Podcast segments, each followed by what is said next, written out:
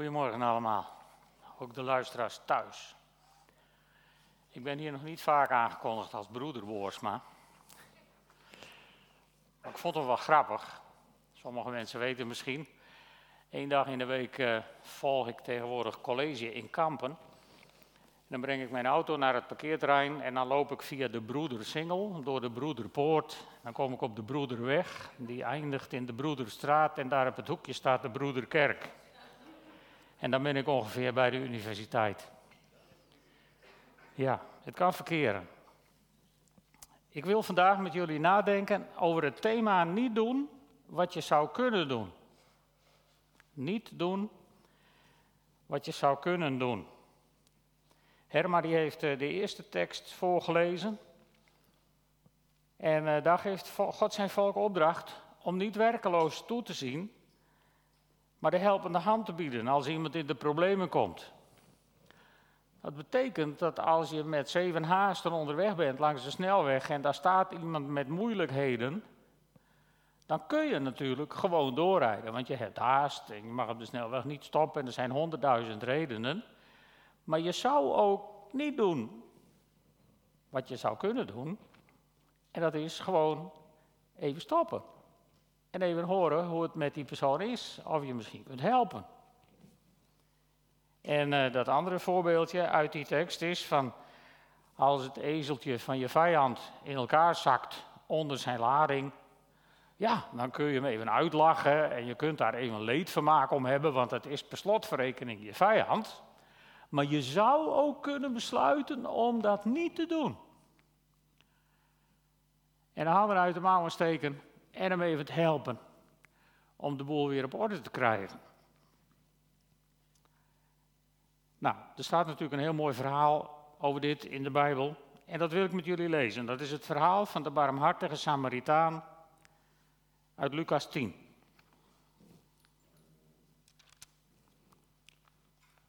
Lucas 10 vanaf vers 25.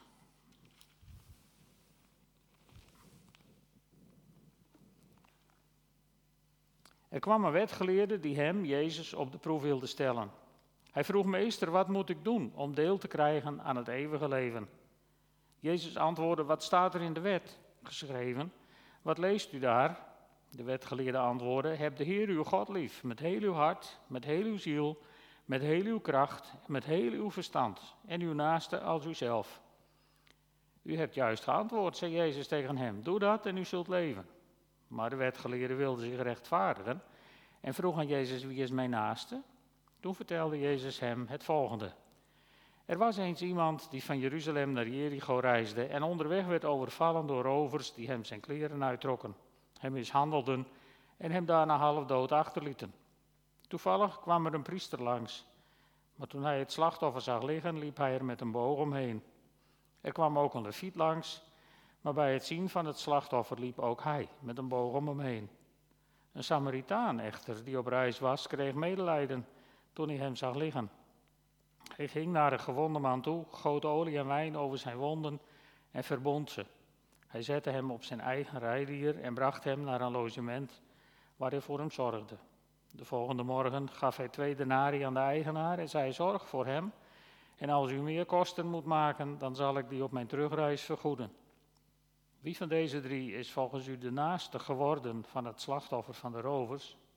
De wetgeleerde zei, de man die medelijden met hem heeft getoond. Toen zei Jezus tegen hem, doet u dan voortaan net zo.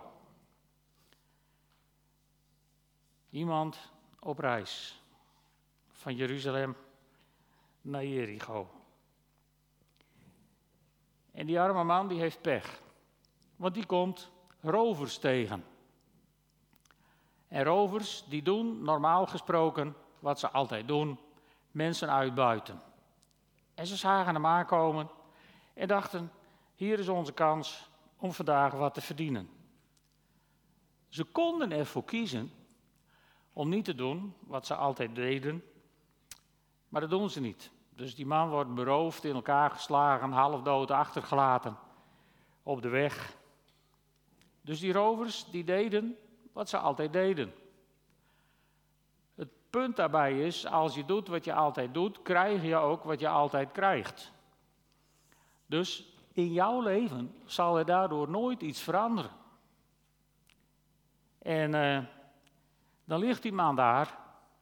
En we weten helemaal niet of hij nog bij bewustzijn was of niet. De meeste mensen die volgens mij half dood zijn, die registreren niet zoveel meer. Dus ik denk niet dat de arme man het gemerkt heeft, gelukkig. Maar er kwam een priester voorbij. Nou, je zou denken, probleem opgelost. De beste die je kunt treffen, de priester. Maar de priester, die was waarschijnlijk onderweg naar Jeruzalem om zijn dienst te doen. En, en we kennen ook het verhaal van, van, uh, van Zacharias, die dan krijgt aangekondigd dat Jezus wordt geboren. Priesters, er waren in die tijd zoveel priesters, dat er werd gelood wanneer je tempeldienst had. En dan, dan mocht je één keer in je leven, mocht je in de tempel het reukoffer opdragen. Dus als je aan de beurt was als priester, dan was je erop gebrand dat daar niks tussen zou komen wat jouw dienst zou kunnen verhinderen. Maar ja, er stond wel in de wet, in nummer 19, vers 16 bijvoorbeeld, als je, dat als je een lijk aanraakte, was je zeven dagen onrein. En als je iemand aanraakte, een, een, een lichaamsvloeistof van iemand aanraakte, bloed, zweet, uh, misschien had hij wel overgegeven, weet je hoe hij erbij lag, dat weten we niet, maar in ieder geval niet om aan te pakken, zonder handschoenen. Dus die priester die dacht, ja, daar gaat mijn kans. In de tempel. Dus die liep met een boog om hem heen. Hè. Ik, ik probeer een klein beetje begrip te kweken voor de priester. Het was natuurlijk niet goed, maar hij deed, ja, hij deed wat hij altijd deed. Problemen vermijden in dagen dat je dienst had in de tempel. Rein blijven. En dat bleef hij.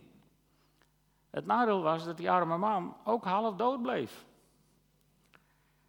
En na de priester komt er een leviet. Het stikte ook van de levieten in die tijd. En die was waarschijnlijk ook op weg naar de tempel. En ook als leviet moest je wel rein blijven om de tempel in te mogen, want anders mocht je je dienst niet doen. Dus ook die leviet, die kiest eieren voor zijn geld en die denkt net doen alsof je hem niet ziet. En die wandelt ook die man voorbij. Er staat, ze gingen er met een boog omheen. Misschien waren ze ook wel bang voor de rovers. Maar ja, die hadden die dag hun buit al binnen.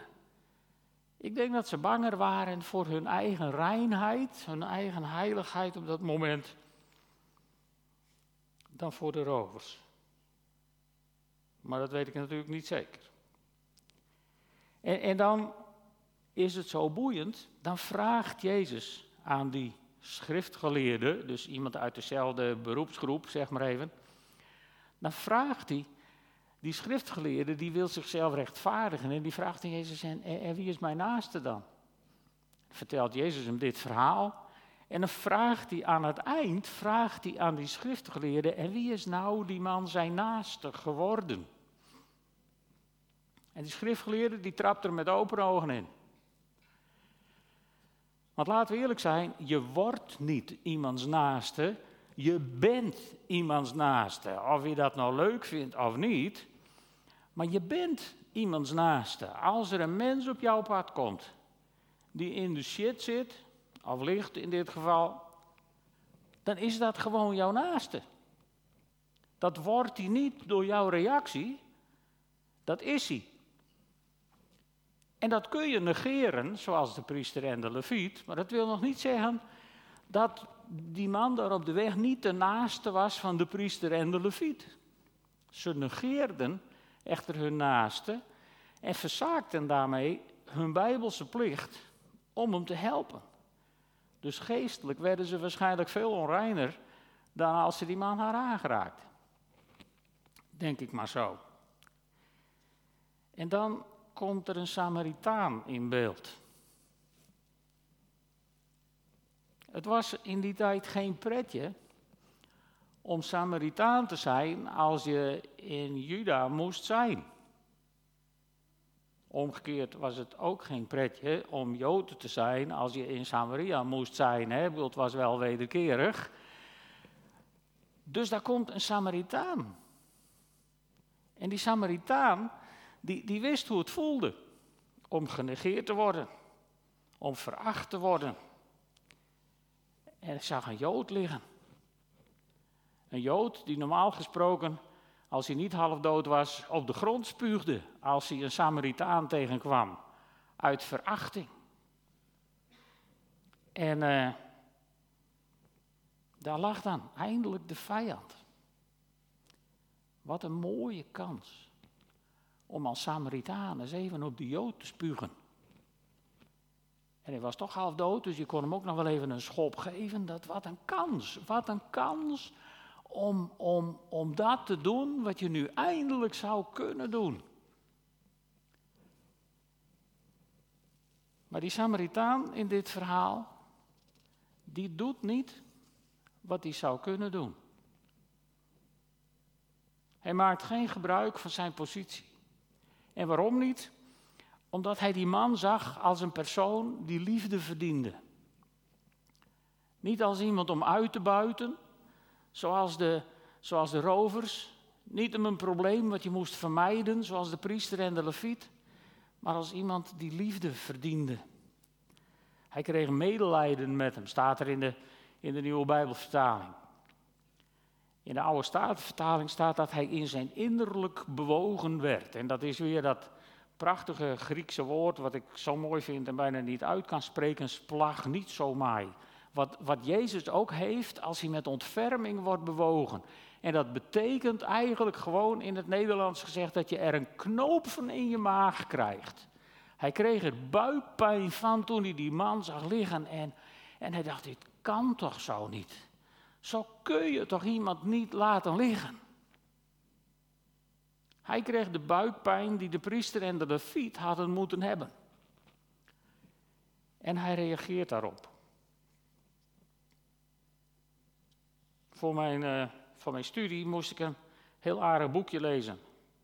Dat heet Licht en Zwaar voor zwervers en andere spirituelen van Frits de Lange. En uh, hij vertelt in dat boekje over Simone Weil. Simone Weil was een Joodse Française die aan het oorlogsgeweld was ontsnapt en in, uh, in Engeland werkte voor het Franse verzet. Maar uh, daar overleed ze midden in de oorlog aan TBC. Hoe wrang kan het lot zijn? Simone Weil was een filosoof die bij beroemde Franse filosofen ook had gestudeerd voor de oorlog. En dan uh, raakt ze op zoek naar God. En zij uh, heeft het over de wet van de morele zwaartekracht. Dat je dus als het ware, net als, als je moet doen wat de zwaartekracht vereist, ook moet doen wat de morele zwaartekracht van je vereist. Dus je moet gewoon doen wat je moet doen. Daar kun je ook niks aan doen. Maar zij gaat daar tegenin. En uh, ze noemt daar bijvoorbeeld een man als Achilles uit de Griekse mythologie als voorbeeld. Achilles in een verhaal is er een man die Achilles smeekt om genade, om zijn leven. En die ligt voor hem op de knieën te smeken om genade en Achilles die steekt hem dood. En waarom deed hij dat? Omdat hij dat kon. Hij had de positie, hij was de hogere, hij had het recht en hij had het zwaard. Hij deed het omdat het kon. En tegenwoordig hoor je vaak als excuus voor allerhande dingen die er gebeuren, ja, ik deed het omdat het kon. Het kan. Ik las van de week iets heel absurds in de krant. Wat je zou kunnen doen omdat het kan. We weten allemaal dat de vliegmaatschappijen het momenteel niet gemakkelijk hebben. En Malaysia Airlines die had bedacht dat je op het vliegveld in het vliegtuig kon klimmen, voor een fors bedrag een aantal uren kon vliegen en op hetzelfde vliegveld weer kon landen, dan hoefde je niet in quarantaine. Ja, dat doe je omdat het kan. terwijl de aarde bijna bezwijkt onder de opwarming en de CO2 ons tot, tot hoog in de wolken reikt, zijn er idioten die dit doen. Onder dan gebeurt echter precies het omgekeerde, schrijft Simone Weil. Er ligt iemand als een stuk levenloze materie aan de kant van de weg, maar hij wordt als mens aangezien, overeind geholpen en weer als levende ziel behandeld. Het klassieke verhaal van naaste liefde dat we dag in dag uit terugzien in de praktijk van de zorg. Een Samaritaan, zeggen we gewoonlijk, handelt uit compassie, medelijden, een aangeboren emotie die diep vanuit zijn ingewanden opborrelt. Een positieve daad van ontferming. Maar Simone Weil kun je wat met, met Simone Weil kun je wat dat betreft, wat hem drijft, ook anders lezen. Als je liefde als een vorm van belangeloze aandacht verstaat. De Samaritaan doet iets niet. Hij beveelt even niet waar hij wel de macht heeft. Zijn aandacht voor de zwakken is een onderbreking van de wet van de natuur die een afkeer van leegte heeft. In zijn aandacht laat hij voor een moment zijn eigen, aan, zijn eigen kracht niet gelden. Zo schept hij in het ding aan de kant van de weg weer een ziel. Door zich een moment in te houden en zich niet te laten gaan. En voor Simone Weil ligt aan het godgelijke van mensen, hè, geschapen naar Gods beeld en gelijkenis. Zij zegt dat ligt hierin dat we ons geduldig en afwachtend in kunnen houden. Want een beeld van God zijn betekent dat we ons klein kunnen maken en tegen anderen kunnen zeggen: Ik doe er nu, even niet toe, nu mag jij. En ik vond dat zo'n mooi voorbeeld, ook van Jezus Christus, die het goden gelijk zijn, niet als roof heeft geacht, maar naar deze wereld kwam om ons te redden. Jezus die zei, joh, mijn goddelijkheid doet er nu even niet toe, nu mogen jullie. Want voor jullie kwam ik naar deze wereld. Om jullie die kans te geven, om jullie die mogelijkheid aan te reiken. Om ook eens even niet te doen wat je zou kunnen doen. Wel, dat is pas goddelijke grootheid. Maar de rover, de priester en de leviet maakten een andere keuze. De verworpene, de afgewezene, de Samaritaan komt in dit verhaal even in beeld als degene die naar Gods beeld en gelijkenis is geschapen. En ook wij zijn zo door God gemaakt. En we kunnen in elke situatie die zich voordoet de keuze maken om dit wel of niet te doen. En die keuze die we daarbij maken, daarin kunnen we ons laten leiden door wat heel beroemd is, de gouden regel van Confucius.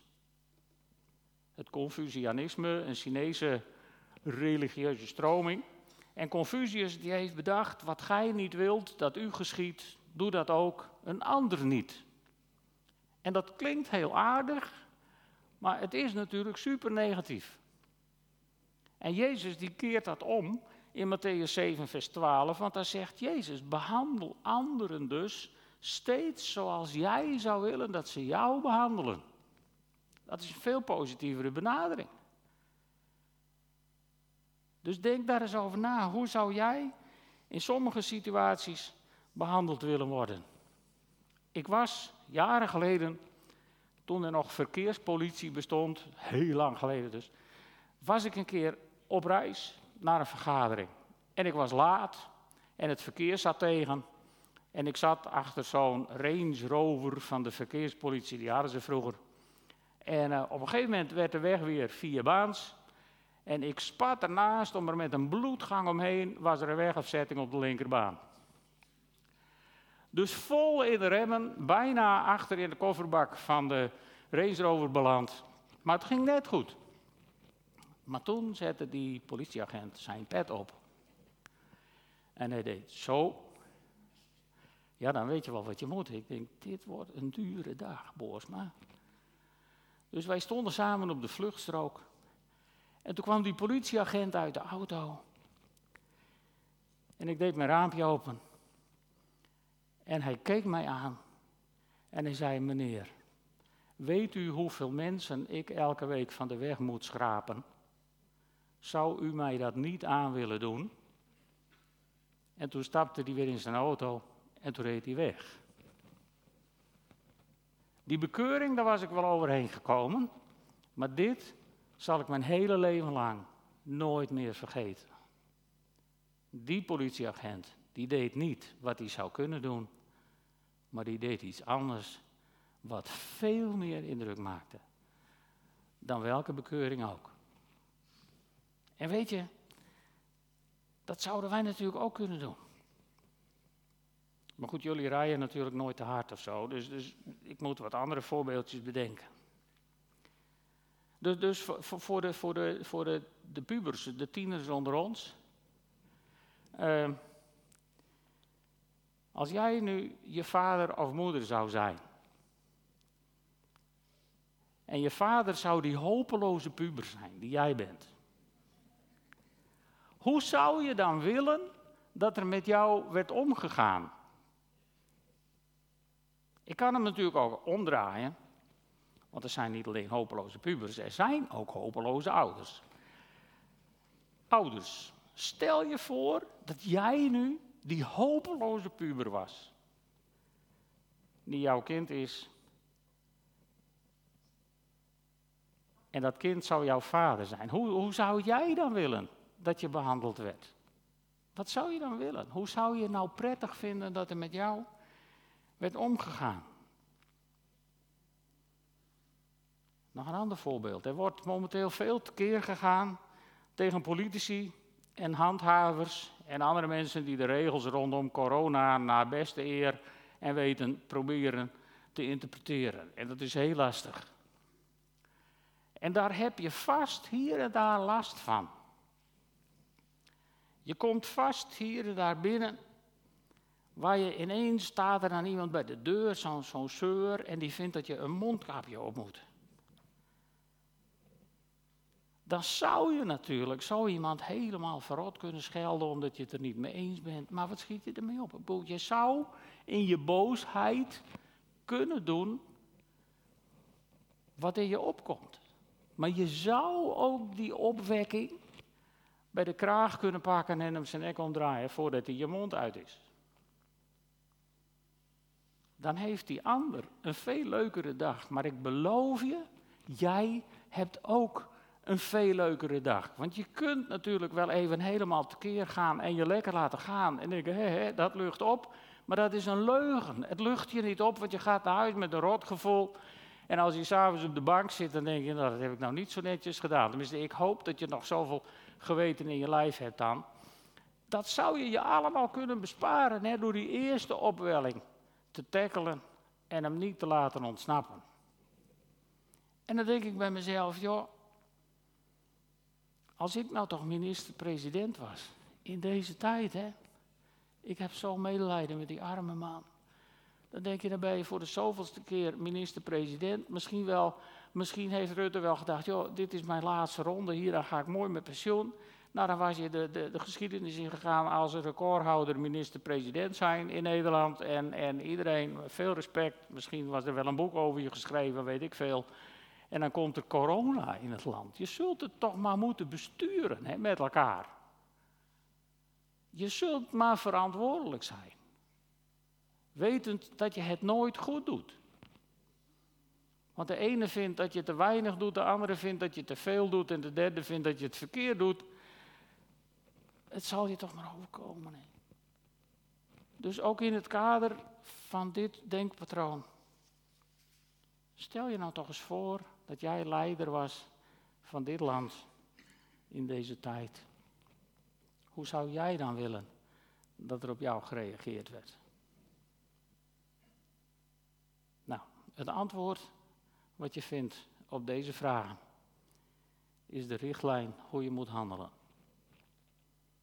En genade betekent dan dat je niet doet wat je zou kunnen doen maar je even inhouden ten gunste van die ander. En als ik naar de maatschappij kijk, dan denk ik dat is iets wat we moeten leren met z'n allen. En het vraagt iets van je. Het vraagt van je dat je af en toe even tot tien telt. Of gewoon even een keer diep slikt. Of misschien wel een keer op het puntje van je tong bij, moet je niet vaak doen, ik krijg een hele zere tong van. Maar Jullie snappen wat ik bedoel. Genade. Gewoon niet doen wat je zou kunnen doen, maar je even inhouden. Zullen we samen bidden? Heer God, u kwam naar deze wereld. En u hield niet vast aan, aan die positie die u had in de hemel. Toen u op deze aarde was en rondwandelde en zag wat er allemaal gebeurde, had u kunnen reageren met vuur van de hemel. U had legioenen engelen kunnen ontbieden ze u gevangen namen. Maar u deed niet wat u zou kunnen doen. En uiteindelijk leidde dat ertoe dat u stierf, opdat wij leven. En daardoor leidde het ertoe dat u opstond en de dood versloeg.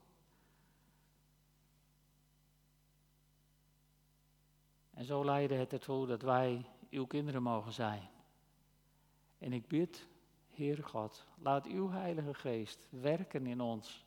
Laat uw Heilige Geest ons denken doordrenken.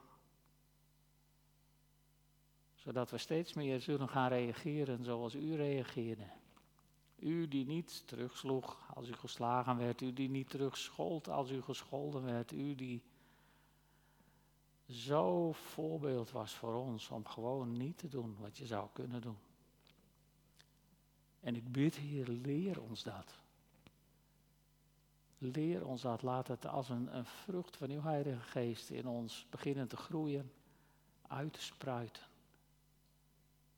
Heer, zodat wij, ieder voor zich, of we nu hier zitten in de kerk of thuis volgende week voor de radio, dat we een klein stukje kunnen bijdragen aan een prettigere wereld omdat u voor ons naar deze wereld kwam. Dat bid ik van u in de naam van Jezus. Amen.